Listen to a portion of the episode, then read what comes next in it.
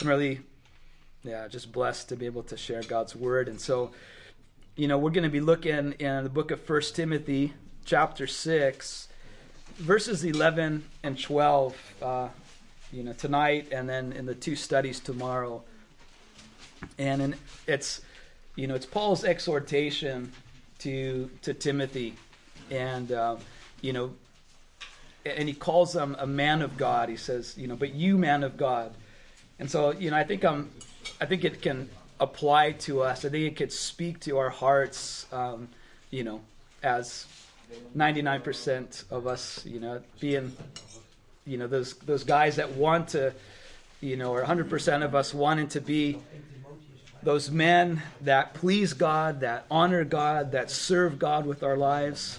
And so, you know, God has called us out of the world, you know, and into his kingdom to, you know, be a part of what he's doing. And that's exciting. That should be exciting for us that, you know, that the God of the universe, the Father of our Lord Jesus Christ would, you know, call you, would call me to be a part of what he's doing in the world and a part of what he's doing, you know, in in the Netherlands and, in Holland. And so, um, you know, we have a we have a hard job because you know it's not a, a friendly environment that we live in on a day to day basis. But you know, we're gonna see the exhortations, the encouragements that Paul gives to Timothy, and I hope that you know by God's grace we can receive those, be encouraged by them, and be equipped in them. And so let's read our text in 1 Timothy chapter 6 verses 11 and 12 it says but you o man of God flee these things and pursue righteousness godliness faith love patience gentleness in verse 12 fight the good fight of faith Lay hold on eternal life, to which you were also called, and have confessed the good confession in the presence of many witnesses. It tells us here that Timothy had confessed this good confession uh, before many witnesses, and you know we knew that we know that Timothy was a you know Paul's protege. He was his son in the faith, and uh, you know, he was he, he had confessed that good confession. That confession is Jesus Christ. You know, the Bible tells us in Romans chapter 10 that if we confess with our mouth the Lord Jesus and believe in our heart that God raised him from the dead, that we will be saved. It says in verse 10 of Romans chapter 10 For with the heart one believes unto righteousness, and with the mouth confession is made unto salvation. And so I just want to, you know, I don't know all of you, and I don't know where you're at with God, you know, in a relationship. But you know what? That's the that's the first order of business. Is you know, are you someone who's made that confession, that good confession, that Jesus is Lord? Do you believe in your heart that God raised him from the dead because that makes all the difference in the world. You know, if you come here without that confession, then you might, you know, have some good, you know, guy to guy, you know, interaction. You might eat some really spicy, yummy food. You might have some good laughs. But you know what? You're going to go away and miss everything. It has to start with this good confession. Have I believed in my heart and confessed with my mouth that Jesus Christ is Lord and that He's Lord of my life. Because that's what Timothy did. And that's what made all the difference in the world. That's what allowed him to be a man of God.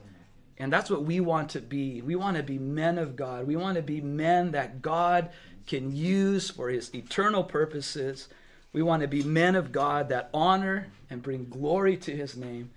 But we have, you know, but the first thing we need to do is make that good confession. You know, we need to confess that Jesus is Lord because the Bible tells us very clearly that, you know, we, you know, that mankind is lost. That he is under the wrath of God. Jesus said it. I didn't I didn't make this up. I didn't write it into the Bible. Jesus himself said in John chapter 3 um, in verse 34 and 36 for he speaking of himself whom God has sent speaks the words of God for God does not give the spirit by measure. So Jesus is saying I'm the messenger. I'm the one bringing this divine uh, message to mankind with the authority of God.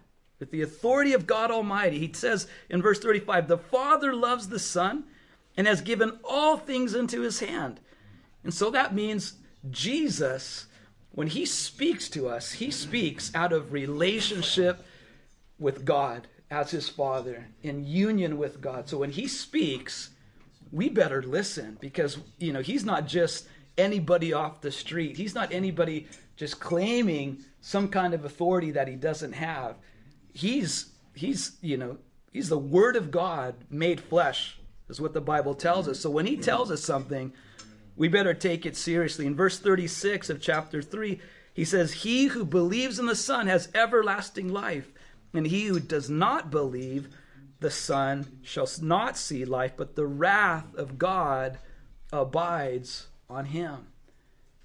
So this is heavy, you know. This is, you know, you're thinking, man, why did I come? You know, maybe I shouldn't have, you know, did I want to come to hear this? But you know what? It's the first order of business is to know, you know, where do you stand with God? Where are you in relationship to God now? You know, not what do you want people to think, not what you hope, but what do you know about your position, about your standing, about your relationship with God Almighty? Is His wrath upon you? Or have you allowed Jesus to be your Savior? When Jesus died on the cross, He took the wrath of God for you and for me. He took your sin, He took your penalty. He not only died for you, Listen to this. He not only died for you, the Bible says he died as you. Paul was able to say, I have been crucified with Christ. Because Jesus not only died for humanity, he died as humanity. Just as Adam took us all into sin, Jesus made the way for all of us to have a righteous standing with God, to be right with God. And you know what? That's what life is about, is being right with people and being right with God. And the only way we can be right with people, the only way we can be right with the world, right with ourselves, is if we've been made right with God. And the Bible tells us that we can be made right with God through faith, trust, reliance upon Jesus Christ, his sacrifice, and what he's done for us. And so you know, that's that's the gospel. That's the good news that God offers for us tonight. And, and you know, and many of you guys know this. It's elementary. It's something that you've responded to, and you're walking with the Lord. And so, Amen, Hallelujah. But you know what? Maybe there's somebody that hasn't done that, and you need to do that. You need to do that right now. You need to make that peace with God through Christ before we get started. And so, I'm going to give an opportunity as we pray and get into the message for you to open up your heart, for you to say, Jesus, you know, I, I want to be right with God. And I want to receive you as my Lord and Savior. I want to give you my life. I want to make this exchange. Lord, take my sin and give me salvation. Lord, I turn from my sin and I receive Christ as Savior. And you can do that tonight. You can make that choice. And so we're going to, I want to give you an opportunity to do that. We're going to pray. But you know what, brothers? That are maybe you're already a believer, you're already a Christian, you already made that decision, you've been walking with the Lord.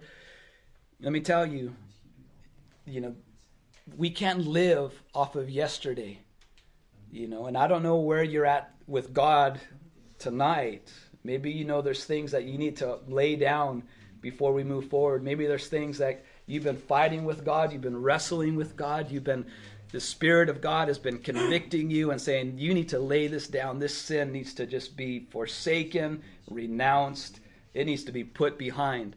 You know what? Do that right now. Let's get let's get down to business before we move on You know, let's not play games with God because, you know, He sees us and He knows us and He wants to set us free because He loves us. And so I'm going to pray, open up the Word, and, and you know, let's let's let's just get this thing let's get, get this thing started. And so, Lord, I pray for anybody right now that needs to surrender their lives to you, God. And I pray that you would be working by your Spirit, Lord, drawing them to yourself.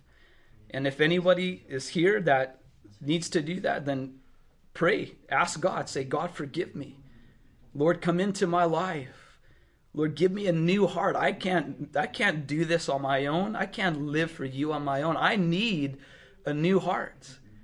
Give me a new heart and fill me with your Holy Spirit and help me to follow you.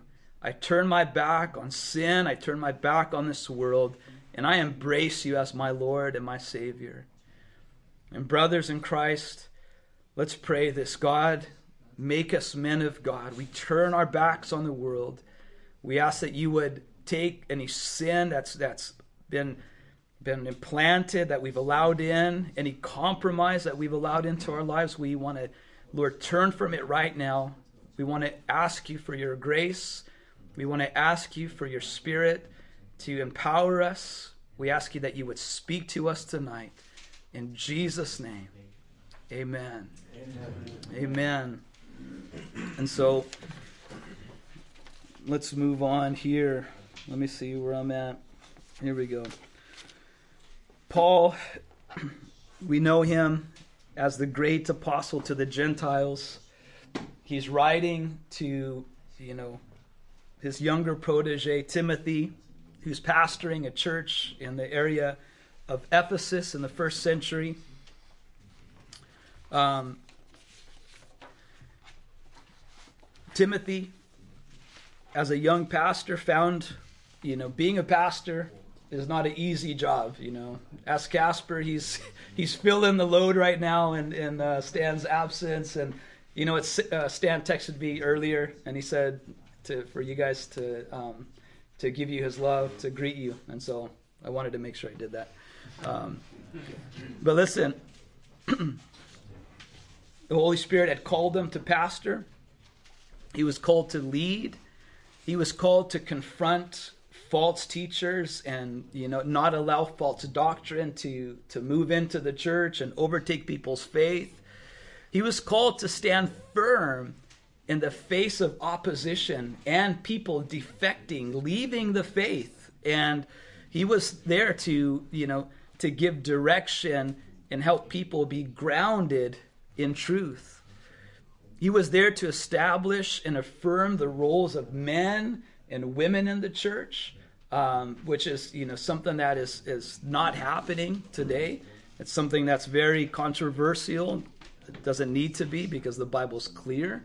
But Paul told Timothy, this is how the church is supposed to look like. This is how things are supposed to happen. And Timothy, you need to be you need to be strong. You need to be courageous. You need to be a man that knows what God desires and what God expects of his church. And so Timothy, you know, it wasn't easy for him. He had a he had a lot of responsibility, a lot of things to do. He was to establish elders and deacons in the church. He was to look for men who had good character and had the ability to, you know, uh, you know, to to serve effectively and faithfully, to see people use their gifts and and be uh, connected to the fellowship, to the life of the church. He was called to lead in the overseeing of the church's outreach to the widows, you know, distinguishing between those who could be supported by their families and those who were really in need. So he was, you know, to be watching over the, you know, the financial distribution that was in the church, um, you know, which is a great responsibility. He was a guy who had a lot on his plate, and Paul told him, look, Timothy, you have important things to do, so don't get caught up in you know disputes and arguing over you know little things that you know people want to make into big things. Uh, you know, don't get trapped also in this worldly kind of mindset that tries to do church, you know, on a on a temporal kind of way of thinking instead of the eternal values that God has given us. And so this is where we kind of find Paul's exhortation to Timothy in 1 Timothy chapter 6. Paul, in the verses before uh, chapter, uh, I mean, verse 11, he's warning Timothy of those in the church, whether they're leaders or preachers or missionaries or members, um, that have turned away from wholesome doctrine, wholesome teaching, healthy teaching, and started to see the ministry and Christianity as a, as a means to gaining financial wealth, gaining, you know, worldly possessions.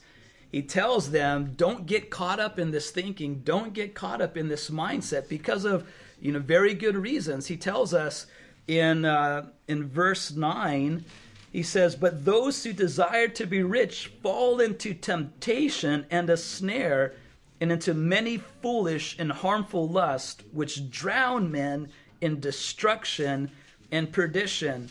And a verse that many of us know in verse 10 for the love of money is a root of all kinds of evil for which some have strayed from the faith in their greediness and pierced themselves through with many sorrows.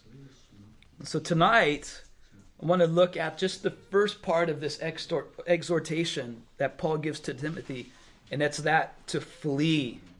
It's that it's that it's that exhortation to flee these things. He tells us in verse 11, "But you, O man of God, flee these things and pursue righteousness, godliness, faith, love, patience, and gentleness. So the first thing I want you to focus on or to see is that Paul, you know, he could have said, You, O Timothy, you know, that was his name, but he, he didn't. He says, You, O man of God. You know, in the Old Testament, Elijah was called a man of God. You know, different characters in the Old Testament were called men of God. He says, Timothy, I want you to be like you know, these Old Testament heroes, you know, these men that were faithful, these men that had a purpose and a calling, so do you. And I believe that you and I, you know, God says to us, He, he addresses us, oh, men of God. And, and, and, and this speaks to us. It speaks to us as something of identity. You know, in a time where, you know, our world is so confused, you know, there's all this gender, gender, you know, fluid, what's a gender fluid kind of stuff and and you know people don't know if they're male female if they're a cat or a dog they don't know what they are. You know there's this there's this there's this confusion about identity. What am i? Who am i? And the and the best way to know who we are is to find our identity from god. What does he think about us? What does he call us to be? And he's called us to be men of god men that have our identity and our security in Him. And this is what Paul's telling Timothy. You, Timothy, are a man of God. Therefore, you need to do three things. And this is, the, this is what we're going to be looking at this weekend. You need to flee, you need to follow, and you need to fight. And so that's, those, that's our outline for this weekend. You need to flee, you need to follow, and you need to fight. And this is um, what we're going to be looking at tonight. Um, you know, there's there were there were people in Timothy's day that were, you know, they were they were pursuing money, they were pursuing riches, and some of them initially were, you know, they were being successful. They were using ministry and they were using godliness as a means of gain, and it was working. And you know, and sometimes that can be a temptation for us, you know, in our world where we see people, you know, abandoning you know biblical teaching and biblical principles you know to to get an advantage in the world financially and secure their, their place in the world positionally and think well i mean if they're doing it it doesn't you know is there a way that i can somehow do that as well? And that was you know that that was something that could be that paul said you know this is something that can creep into the heart of, of a man of God. And, and he tells Timothy, you know what you need to do? You need to flee this kind of attitude, this kind of thinking in your life. And this is something that is very important. And, And in fact, this word flee is, you know, it's this idea of, you know, constantly running away from it. And so, in, in a sense, it's like being a fugitive, you know. Um, have you, how many of you guys have seen Les Miserables? Anybody? No? Okay. It's Les Miserables. It's a, It's a movie. mu- a musical. It's a musical. It's a movie, right? Yeah. And so, so Jean Valjean, he's the main character, and you know he he's a fugitive. He's he's his whole life is running away from the law. You know, and, and it's a and it's a great picture of you know of of grace and the law. It's a, it's really a great movie if you watch movies, but you know. It, he can never rest because the law is always pursuing him. And so he's he's a fugitive his whole life, running, running, running, running. And this is the idea, guys, is that we cannot be passive when it comes to resisting the world. When we cannot be passive when it comes to resisting the way that the influence of the world wants to creep in. You know, if, if you if you think about it, you turn on the you turn on the radio, you turn on the TV, you go on the internet, from every direction you know the world is trying to sink its claws into your heart and into your mind and tell you this is what life is about. This is what you need to live for. This is what you need to sacrifice for. Because if you have this then you'll be you'll be happy. You'll have identity. You'll have meaning. You'll have purpose you know? And so in, when it comes to this topic of you know of pursuing money of trying to get it at all costs at all means that is something that the man of god needs to renounce you know making money is not bad you know it tells us in verse 10 that it's the love of money that is the root of all kinds of evil. Not money itself. Money is neutral. Money is something that Jesus talks about often in Scripture that can be used in wonderful ways to further the kingdom, to be a blessing to others, that we can be good stewards of and will be rewarded for when we get to heaven. And so, you know, money is not the, the issue. It's it's that pursuit of it. It's that love of it. It's that it's looking to it to find identity and meaning and purpose. And that's something that the man of God needs to continually, actively be running away from. And so, um, yeah, Paul tells us in 1 Timothy 6, uh, 6 and 7, he says, Now godliness with contentment is great gain. For we brought nothing into this world, and it is certain that we can carry nothing out. And having food and clothing, with these things we shall be content. So the man of God, you know, godliness with contentment, you know, that's what our pursuit is to be, you know, to to seek godliness and not just, you know, money. Um, to be thankful for what we have because we're not taking any of it with us. You know, it's been said that you, you never see a, a trailer behind a hearse. You know what a hearse is? It's what you put the dead body in to take it to the to the funeral, you know, to the cemetery. Nobody's taking their stuff with them. Everything we have is going to be left behind. There was a story of a Quaker. You guys know what a Quaker is? Yeah. Quaker. Quaker. Half or mount. Half a month. Is it like the the the muesli? Yeah. So the guy with the hat, you know. uh, he watched his wealthy neighbor with all of his toys and all of his gadgets and everything, you know, move into a big house next to him.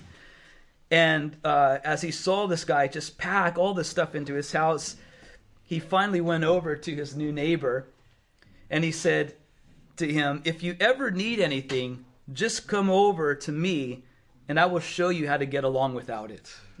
You know, It- it- you know, we, we just think like if we just have more stuff, we can do more stuff. But oftentimes, those things that we look at as, you know, the, the, the newest blessing quickly becomes, you know, the latest burden, you know, and, and it's and it's something that we need to consider. You know, we work hard for our homes and our phones and our drones, you know. Those are things that are popular, but none of them can bring the peace and the joy and the hope that a right relationship with God brings. I mean, you don't need any of that stuff to be happy, to be joyful, to have hope, to have peace in your life. We think we need them, but we really, really, really don't need any of that stuff. If we have a drone, if we have a phone, if we have a home, amen. God bless you. You know, that's awesome. But we need to realize that none of that stuff is essential for our contentment, for our happiness. It's been said it's not the people that have the most that are the most happy, it's the people that don't need the most that are, you know, the most happy. And so listen, it tells us that a strong desire in in uh, in chapter 6 a strong for des- desire for wealth often leads to sin. And uh, you know you see this happen you know even within the church um, you know where where men will forsake faith and family for for for an extra oil you know. They'll they'll, they'll stop coming to church they'll stop you know being with their families you know just be, because they think you know they convince themselves well it's for my family. Well you know what? When i make that much money then i can give more to god. And then the next thing you know you know they're spiritually bankrupt. They're, they're they've fallen from the faith. They've they've left it all behind for that position or for that financial gain. And it's a tragedy because you know they end up losing everything in the end the pursuit of riches and material wealth are traps that lead to bondage and not freedom. I mean, Jesus told us this in, in Matthew chapter 6. Matthew chapter 6, verse 19 through 24, he tells us, Do not lay up for yourself treasures on earth where moth and rust destroy, where thieves break in and steal, but lay up for yourself treasure in heaven where neither moth nor rust destroys, and where thieves do not break in and steal. For where your treasure is, there your heart will be also. The lamp of the body is the eye. If therefore your eye is good, your whole body will be full of light. But if your eye is bad, your whole body will be full of darkness. If therefore the light that is in you is darkness, how great is that darkness? No one can serve two masters.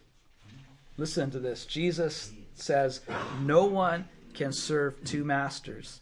For either he will hate the one and love the other, or else he will be loyal to the one and despise the other. You cannot serve God and mammon. I didn't write that, guys. Jesus, this is this is his word to us. We cannot serve God and money. We cannot serve God and our wealth. We're going to abandon one for the other. And so, you know what? What do we want to do?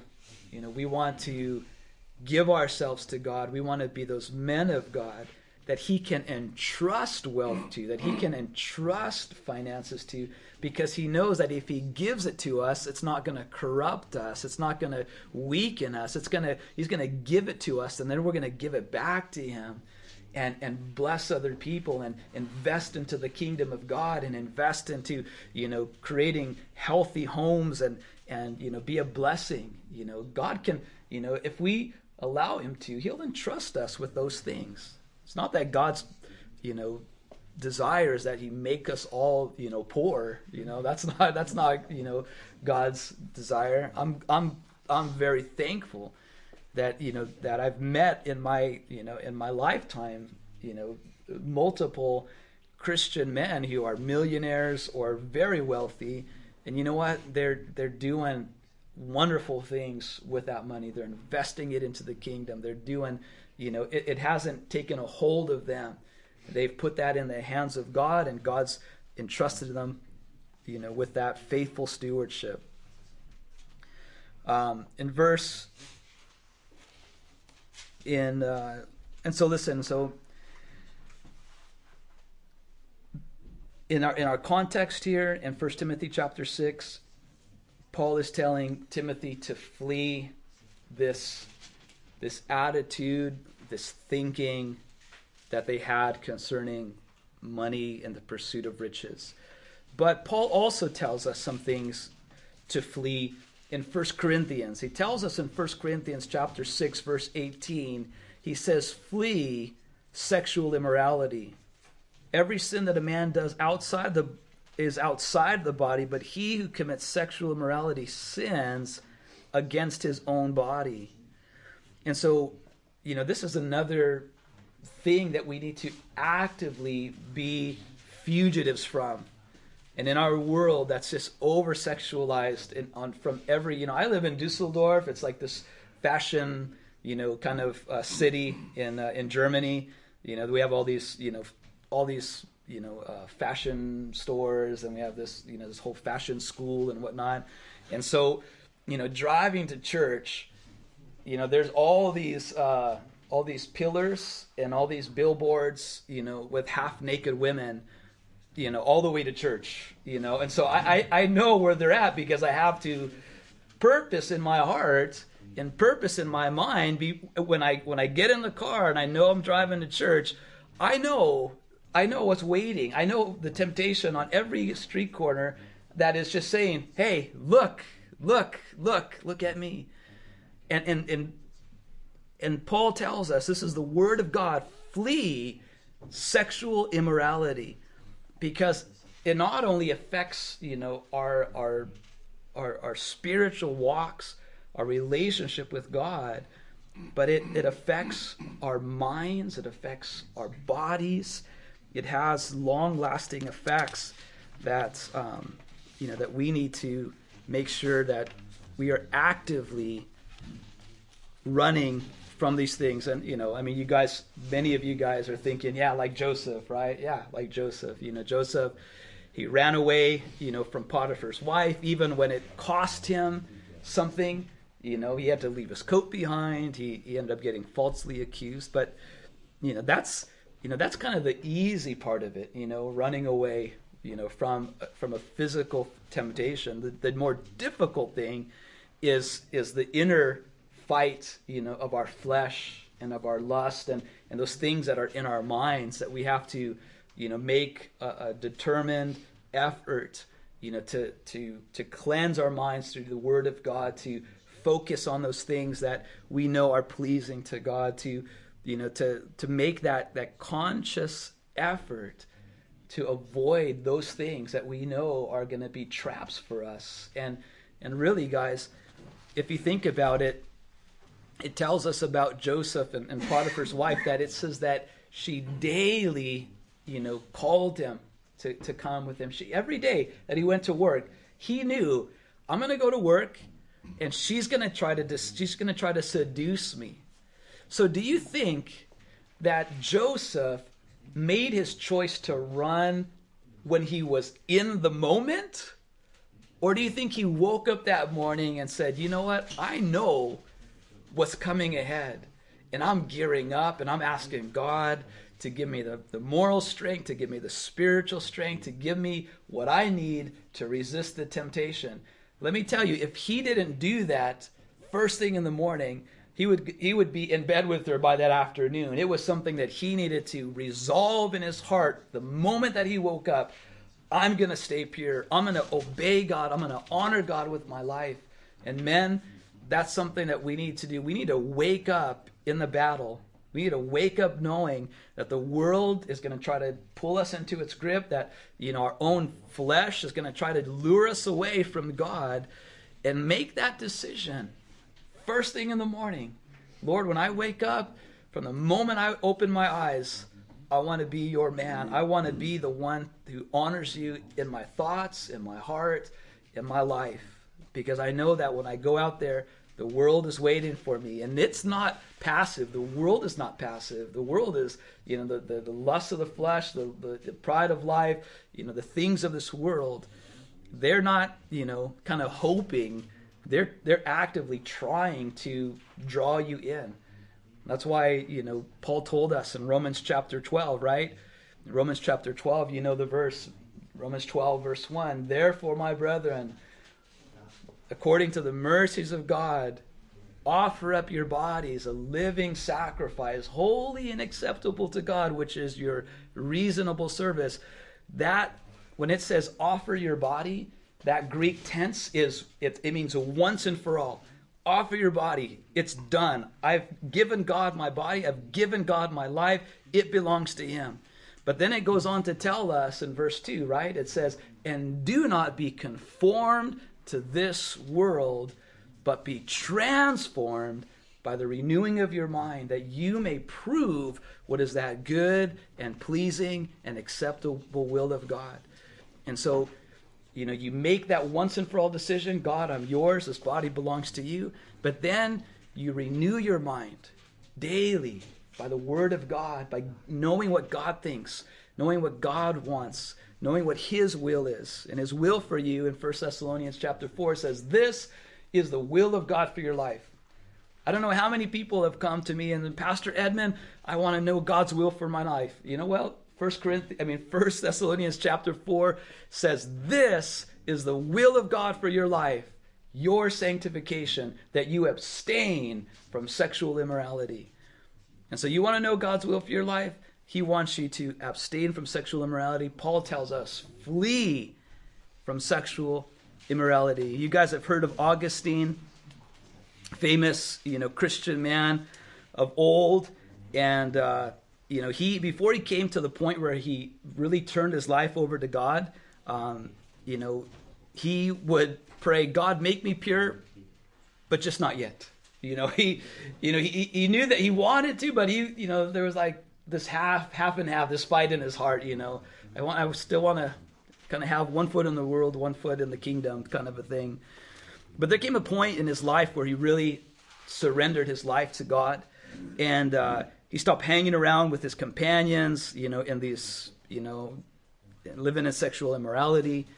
He stopped going to the neighborhoods where he used to meet them.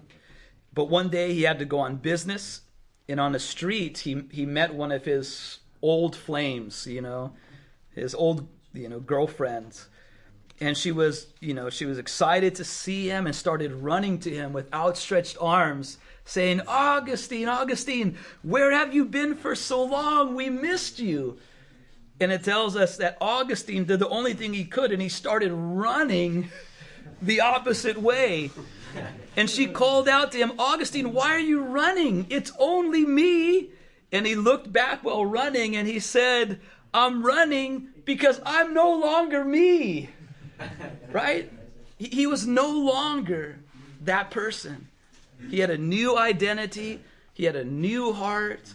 And what God does in our life is that he, he changes all of our relationships. That's what, that's what he does. Before we come to Christ, our relationship with God is, you know what? He's going to judge us. He's a holy, righteous God who's going to judge us on Judgment Day.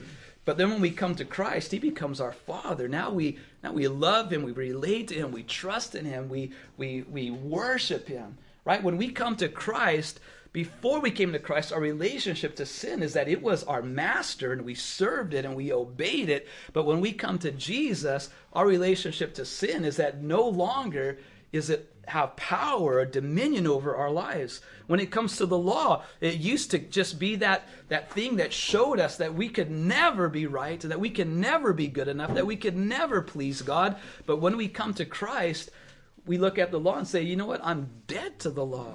I'm dead to the law. It has no more place in my life because I have the Spirit of God who's working in my life to do the will of God and honor God. And so this is what happened in Augustine's life. And I pray, and I pray that it, it's, it's something that is happening in your life. But Paul, you know, he doesn't tell, you know, the Corinthian church to flee, you know, sex altogether.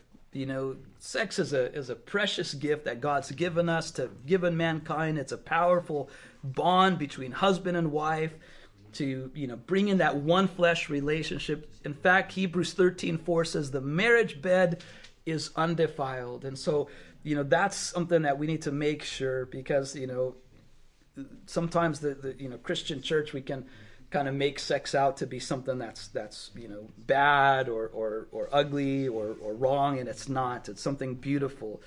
But when we when we you know allow it to dominate our lives, when we allow it to promise us things that it can never fulfill, you know, then we we're going down the wrong road. When it says to flee sexual immorality, this word this word immorality is some a word that many of us know. It's it's porneia. You know, does it sound familiar? Porneia. You know, it does. It sounds familiar because because porn has become something that not only has infiltrated the world and has, you know, it's just it's just destroying young men's life and, and marriages, but it's doing it in the church. It's bringing down pastors. It's sending missionaries back home that have fruitful ministries. It's destroying churches. It's destroying families. It's destroying your life and my life if we're not active, if we don't have our guard up, if we're not actively running from it. And, and, and tomorrow we're going to talk about not just running aimlessly, like, oh, where do I go? I just, where can I hide from this stuff? But, but we'll see tomorrow. He says, you know, pursue or actually, you know, I love the German word because it's jag. You know, it's like it's like it's like hunt, and that's the Greek word too. It, it, it's actually pursue is the. It, we'll talk about this tomorrow. Is is the same word as to persecute. What's what Saul was doing to the church? He was he was persecuting it. He was pursuing it to destroy it. But we're to pursue Christ and righteousness to lay hold of it. And so, you know, when it comes to sexual morality, we can't just say, well, you know what, I'm not, you know, engaging in that physically. But what did Jesus tell us, right? I mean, Jesus, he says, if, if you lust in your heart after a woman, then you've committed adultery. It's, it's the seed that grows out and, and bears the fruit. So we need to make sure that our hearts are not the soil where the seed of lust and the seed of, of, of, of immorality can be planted and then left to grow. You know, of course, you know, it's been said, you know, you can't, uh, you know, you can't, you can't stop a bird from flying over your head, but you can keep it from making a nest in your hair, right?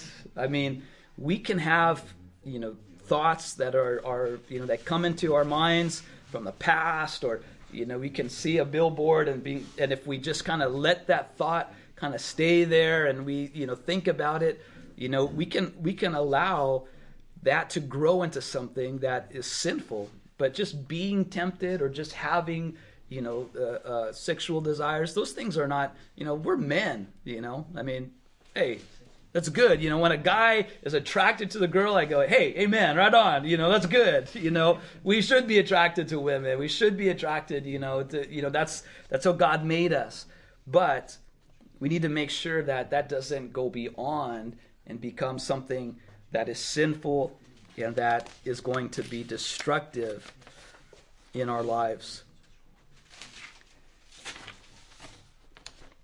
Paul tells us in 1 Corinthians chapter 6 verse 19 or through 20 he says or do you not know that your body is the temple of the Holy Spirit whom is in you whom you have from God and you are not your own?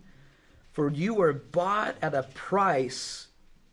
Therefore glorify God in your body and in your spirit which belong to God Paul tells us that when we if we sin sexually, we sin against our own bodies. And you know our bodies were created to be vehicles to fulfill God's will, to bring honor to God, to be vehicles to bring healing and blessing and, and, and joy and peace into a world that is so broken. I mean, we're broken. The world has, you know, has affected our lives, you know, I mean, I don't know how you were raised up and, and what things you got into as a young man and what things you've seen or experienced, but you know what? There's a lot of guilt, there's a lot of shame, there's a lot of brokenness that we bring in with us, and Jesus wants to heal that. He wants to restore, He wants to do good things in our lives. But if we let that stuff in, then it's going to destroy us and it's going to destroy our fellowship. It's going to destroy our relationships. It's going to destroy our marriages. And that's something that we can't afford to let happen. We have to be vigilant. We have to avoid this, this lure of money and, and this, you know, this, this trap you know that's there but we also need to flee sexual immorality and and the last thing that Paul tells us in 1 Corinthians chapter uh, 10 verse 14 he says therefore my beloved flee from idolatry and so you know you know the the Corinthians you know I mean the, the, the people of that day they had all these idols that they were worshiping and sacrificing to but behind those idols what those idols represented were basically the lust of men, the desires of men. You know, there was that god of Bacchus, you know, which was, you know, alcohol, you know, and so to to to to worship Bacchus, you had to you went to the temple and and you just drank yourself drunk. You know, you just you just celebrated, you know, all that drunkenness brings, you know, and and and and so, you know, and then there was you know the temple of Venus or you know the, the, you know this these other temples where they had the temple prostitutes and so all of these idols were basically just the lusts of men you know uh, put into you know uh, to forms you know and, and then they were celebrated and and so Paul tells us to flee from idolatry and that's a that's a hard thing because you know you you probably know that you know our hearts are like these idol factories you know they you know, they produce idols. You know, our, our wives can become our idol. Our families become can become our idol. Our house can become our idol. Our home can become our idol. Our phones can become our idol. Whatever you you know, evaluate. Look at your life and say, what do I spend the most money on? What do I? Where do I spend my most time? Where, what do I sacrifice to make sure that I have these things and and what what if it was taken away would would leave me lost and without an identity you know for me as a as a you know as a young man growing up in southern california i i, I worshipped a, a wooden idol and it was a skateboard you know it sounds it sounds silly to you know to to people but i mean i'm serious this piece of wood was my identity. It, it, it, what brought me happiness. It what it's what identified everybody that I I you know people would say, hey, do you know Joe or do you know Jim? And I would say, do they skateboard? And if the, if they said no, then I'd be like, why would I know them? You know, really, why would I know them? I don't need to know them because they don't have anything to do with skateboarding. I mean, they this piece of wood was the mediator between me and the world. It's what it's what I find my you know, and so I, I devoted myself to it. I slept with my skateboard in my bed. no joke. And it, it was because it you know, when I when I was doing well, when I was, you know, advancing, you know, I, I got, you know, I, I became popular in my in my group of friends and you know, and it kind of it, it made it gave me identity, it gave me worth. And you know, and there was days that I hated skateboarding because it was just terrible to me. And so I thought, I'm just going to quit. But then I thought, who will I be? What what do I have? Who am I? You know?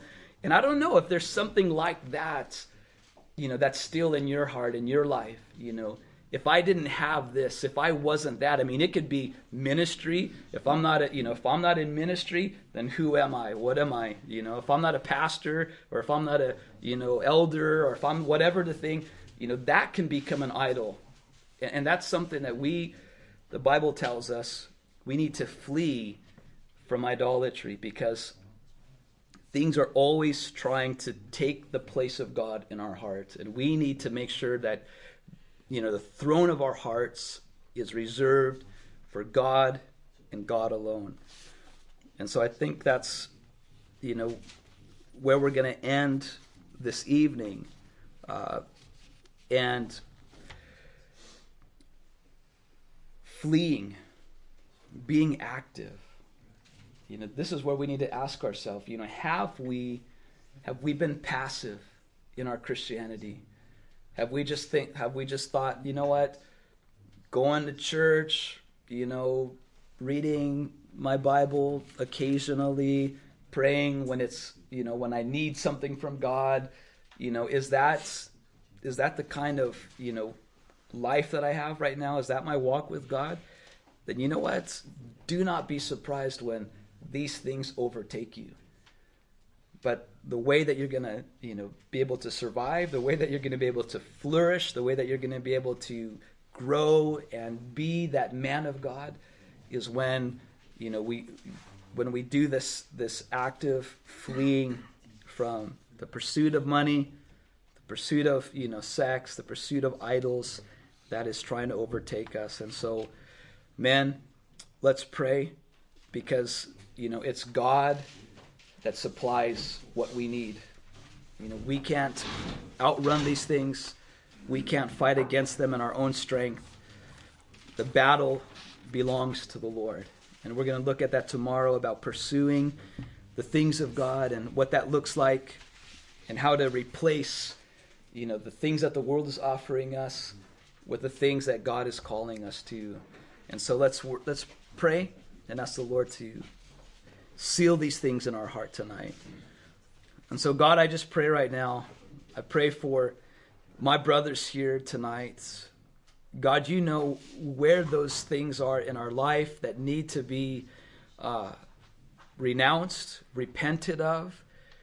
You know, God, that, Lord, maybe some of us uh, here in this room at, at one time were, were actively turning away from these things, but but we've grown weary. We, we've, we, have we've, we've kind of taken a rest, and, and these things are, are creeping in, and, and, they're, and they're putting their, their roots into our lives. And Lord, we ask, God, through the power of your Spirit, we ask, God, by your grace, that you would pull these things out, that you would cleanse us, that you would renew us, God. Give us strength, Lord. You tell us in your word those who wait upon the Lord will not grow weary, they will not they will run and not faint. And so Lord, we ask God that you would help us to find strength, to find Lord all that we need in you Jesus to run this race with endurance, looking unto you, Lord. I just pray for that. I pray for these men. Bless them. In Jesus' name, amen. Amen.